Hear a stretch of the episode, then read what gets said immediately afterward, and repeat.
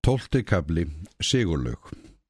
Sigurlaug hafði ekki sagt móður sinni ósatt. Henni þótti ekkert vænt um Þorbjörn. Hún hafði komið til hans um vorið og staðan hafði henni þótt físileg. Kaupið var hátt og lítið að gera. Annað fólk var ekki í húsinu en þau Þorbjörn og vinnukona. Dálitið hafði hún verið hrættum að sérmyndi veita örðugt að gera honum til hæfis. Hún hafði heyrt til þess tekið hvað hann væri uppstökkur og ráðríkur. Fyrstu dagana var hún eins og á nálumum að hann yrði vondur út af einhverju. En hann varð aldrei vondur út af neinu. Hann var ekkert annað en ljúmennskan sjálf og þakkaði allt sem gert var svo alúlega að Sigurlega fór að hugsa um að annarins húsbóndi væri naumast til á landinu. Hún skildi ekkert í því að svona skildi hafi verið skrökvað á hann.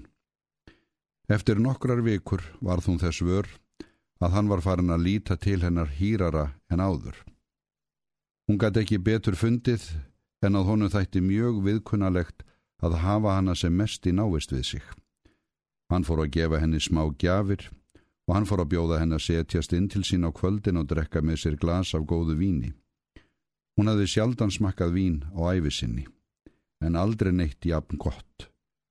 Fyrirtagsvel fannst henni fara um sig þarna inn í skrautbúnum stofunum og Þorbjörn leka á alls oddi. Hann var svo skringilega gladur og þakklátur ef hún gerði honum eitthvað til skemtunar. Henni hefði oft verið sagt að hún gæti verið skrítin og skemtileg, engum þegar hún hermdi eftir. En enginn hafði nokkuru sinni látið uppi jafn mikinn fögnuð út af gamni hennar og glensi eins og Þorbjörn. Þegar hér var komið sögunni skaut upp alveg nýri hugsun var hugsanlegt að hún gæti með nokkuru móti fengið jafn góða stöðu og þá að verða eiginkona Þorbjarnar. Var það ekki meira lán en nokkur gætt búist við að hennar byði umkomulöysrar sveitastúlku að setjast í allan þennan auð að breytast í einni svipan úr fátækling sem leitaði sér atfinnu hjá vandalöysum í eina af efnuðustu frúm þessa bæjar. Freistandi var það og nokkurar vikur var þetta aðal hugsun hennar. Svo hugsunin sem réð öllum hennar gerðum. Hún aðtugaði og setti vandlega á sig það er hún fann að var honu til mestra ránæju og hún gekk á það lægið. Einu sinni kom henni til hugar að aðtuga bækur hans. Þar voru í skáp upp í Svefnirbergi hans og ekki mjög margar. Henni veitti auðvelda átt að segja á þeim. Þær skiptust í tvo flokka. Í öðrum flokkinu voru gamlar guðsorðabækur, sjálfsagt frá þeim tíma er hann hafði verið bondi í sveit fyrir mörgum mörgum árum. Yfir þann flokkin hljóp hún með öllu. Í hinum flokkinum voru skáldsögur á dönsku. Ekki hefði þurft sérstaklega mikinn bókmentafræðing til þess að verða þess bráðlega var að valun á þessum bókum hafði ráði maður sem gaman hafði að lesa um gleðimenn og gleði konur. Í kvennaskólanum hafði Sigurlaug lært að fleita sér í dönsku. Hún komaði í sig þessa fjörugu bækur. Ung stúlka sem hugsaði sér að hafa einhver hlunnindi af indisleik sínum gæt mikið af þeim lært. Vínið og skáldsögurnar, giftingarhugurinn og gladverð þorbjarnar, allt örfaði þetta hana svo að hún varð húsbóndanum óvenjulegur fagnaðrauk hjá kvöldin niður í stofunni og gjafir hans fóru vaksandi. En þess gætti hún af staðfestu að Þorbjörn skildi ekki eiga neinum þeim úrslita sigrað fagna sem hún taldi sér vansæmd að. Fyndist henni hann ætla að verða ofnær gungull, fór hún rakleiðis í rúmið og tvílæsti herbergi sínu. En á síðustu vikum hafði orðið gagngerð breyting á hug hennar. Fleiri voru farnar að veita henni aðtegli en Þorbjörn. Hún var nú svo vel búin hvert sinn sem hún kom út á stræti að afbörðum sætti. Og hún var með laglegustu stúlkum í bænum. Augnar áð piltana leindi sér ekki. Ég heldur hitt hvað þeir voru farnar að taka ofan fyrir henni af mikilli kurteysi. Tvo undafarnar vetur hafði hún verið í Reykjavík og enginn hafði tekið neitt eftir henni. Nú fann hún að aðtiklina skorti ekki og svo aðtikli kom frá ungum og laglegum karlmannum. Tilkomi mestur þeirra var Áskrimu Bjarnason og hann dró engan dul á það að honum gættist vel að henni. Hann var farin að venja komur sínar heim til hennar. Fyrst gerði hann sér það til erindis að spyrja eftir húsaráðanda, þínast leindi hann því ekkert að erindið væri það eitt að rappa við hana. Og brátturðu þau svo kunnug að hún gætti honum á portvíni Þorbjarnar og drakk með honum sjálf. Hann hafði verið nýfarinn þegar móður hennar kom og þá hafði hann fært í tal við hana hvort vistin væri ekki döfleg hjá jafngamlu manni og að sér fyndist hún allt á góð til þess að eigða æfisinni með þessu móti. Hún hafði hleyið en því næst hafði hún sagt með alvöru svip að fátæklingar gæti ekki á allt kosið. Þá hafði hann sagt að ekki triðan því að ekki erðu einhver ráð ef hana fýsti sjálfa burt. En best væri að fara að öllum með hægð og styggi ekki Þorbjörn og að sjálfsögðu láti ekki sín getið. Þetta kom við viðkvæman streng í huga hennar. Henni voru farnar að leiðast þessar kvöldskemtanir Þorbjarnar. Hún var farin að hugsa um það að ánæginar væri ekki að leita í sambúð við gamlan, hálf klunnarlegan Karl. Hún var farin að fá óbeit á hlátrum hans. Stundum fann hún hrylling fara um sig þegar hann kom við hana. Hún sár kveið því að hann keimi heim á kvöldin. Henni hittnaðum hjartaræturnar hvert skipti sem áskrimur kom inn úr dýrunum og jafnframt var hún hrætt meðan hann stóð við. Hún vissi ekki nema Þorbjörn kynna rekast heim eða fá fregnir af því að áskrimur væri að venja þangað komur sínar. Og svo mikið traust hafði hún ekki á ljúmennsku Þorbjarnar að hún gerði ráð fyrir að hann myndi taka því með ástúð að hún legði til muna lagsitt við unga karlmenn, þó að vinir hans ætti hlut eins og áskrimur. Skrautbúna stofur Þorbjarnar voru að verða að dýflissu, kjólarnir frá honum að fjötrum og kvöldin með honum að anstigð. Hugurinn leitaði út, út í gladvarð ungra manna. Hún varð að fá eitthvað inn í hugan frá öðrum, ekki gat hún verið eldurinn sem legði til allan hitan. Úr vestlunaskrifstofu Þorbjarnar hjælt presturinn rakleiðis heimi íbúðarhús hans í því skín að tala við Sigurlaugu. Hún lauk upp fyrir honum og hugði að hann myndi spyrja eftir húsraðanda. Hann spurði hvort hann gæti fengið að tala nokkur orð við hana eina. Hún fór að hugsa um hvað presturinn gæti átt vantala við sig.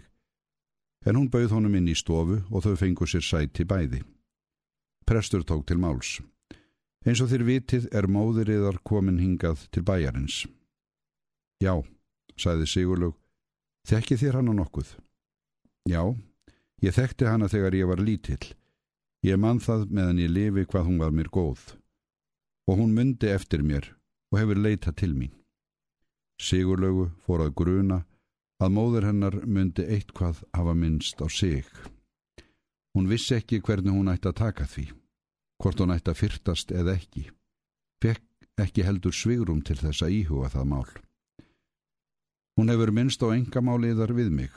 Hún ber þau víst fyrir brjóstinu ríkar en okkuð annað. Hún hefur sínt mér það mikla tröst og þá miklu ástúð að leita til mín með það málið sem henn er hjarfólgnast. En nú þykir mér engin von að þér berið sama tröst til mín. Þér þekkir mig alls ekkert. Ef þeir viljið ekkert tala við mig um vandamáliðar, þá nær það ekki lengra. Ég og auðvitað engan rétt á að skipta mér að þeim nema yður sé það ljúft. Við slítum þá talinu tafarlust og ég byðiður þá velverðingar á því að ég hef gert yður ónæði. En ef þér getið felt yður við að sína mér svipa tröst eins og móðir eðar síndi mér, þá vil ég lofa yður því að reynast yður eins og góður bróðir. Prestur mælti af svo mikill ástúð og kurtesi að sigurlegu fjall allur ketill í eld. Hún hafði ekki kjark til þess að vísa honum burt. Hvað sagði mamma þá? spurði hún. Hún er hrættum að vistinn hér í húsinu sé yður hættuleg og vil fá yður til þess að fara hérðan. Í vor? Nei, nú sem fyrst. Ég get það ekki, ég er ráðin til vors. Nú langar mig til þess að spyrja yður að einu. Ég bendi yður aftur á það að ég legg ekki að yður að svara. Þér verði sjálf að útkljá það mál hvort þér tellið rétt gert af yður að svara mér eða ekki. Ég spyr eingöngu sem vinur móður yðar. Ég á engan heimting á að þér tellið mig viniðar. En ef þér viljið svara á annað borð, þá byrð ég yður auðvitað að segja mér eins og er. Um hvað viljið þér spyrja? Þykir yður nokkuð væntum húsbóndaðiðar. Sigurlaug svaraði alveg heiklaust, nei. Hafið þér þá orðið þess vör að hann felli hug til yðar. Sigurlaug horfið í göpni sér og handleg borðalikju á kjólnum sínum. Prestur beigð eftir svarinu, en Sigurlaug þagði. Ég þykir sjá að móðuriðar skilja alveg rétt hvernig ástatt er og hún er svo undur, undur hrætt. Hún segir að sumar á ráðskonum húsbóndæðar hafi rataði raunir út af sambúðinni við hann. Þær hafa verið góðar stúlkur áður. Allar stúlkur eru góðar áður en þeim er spilt.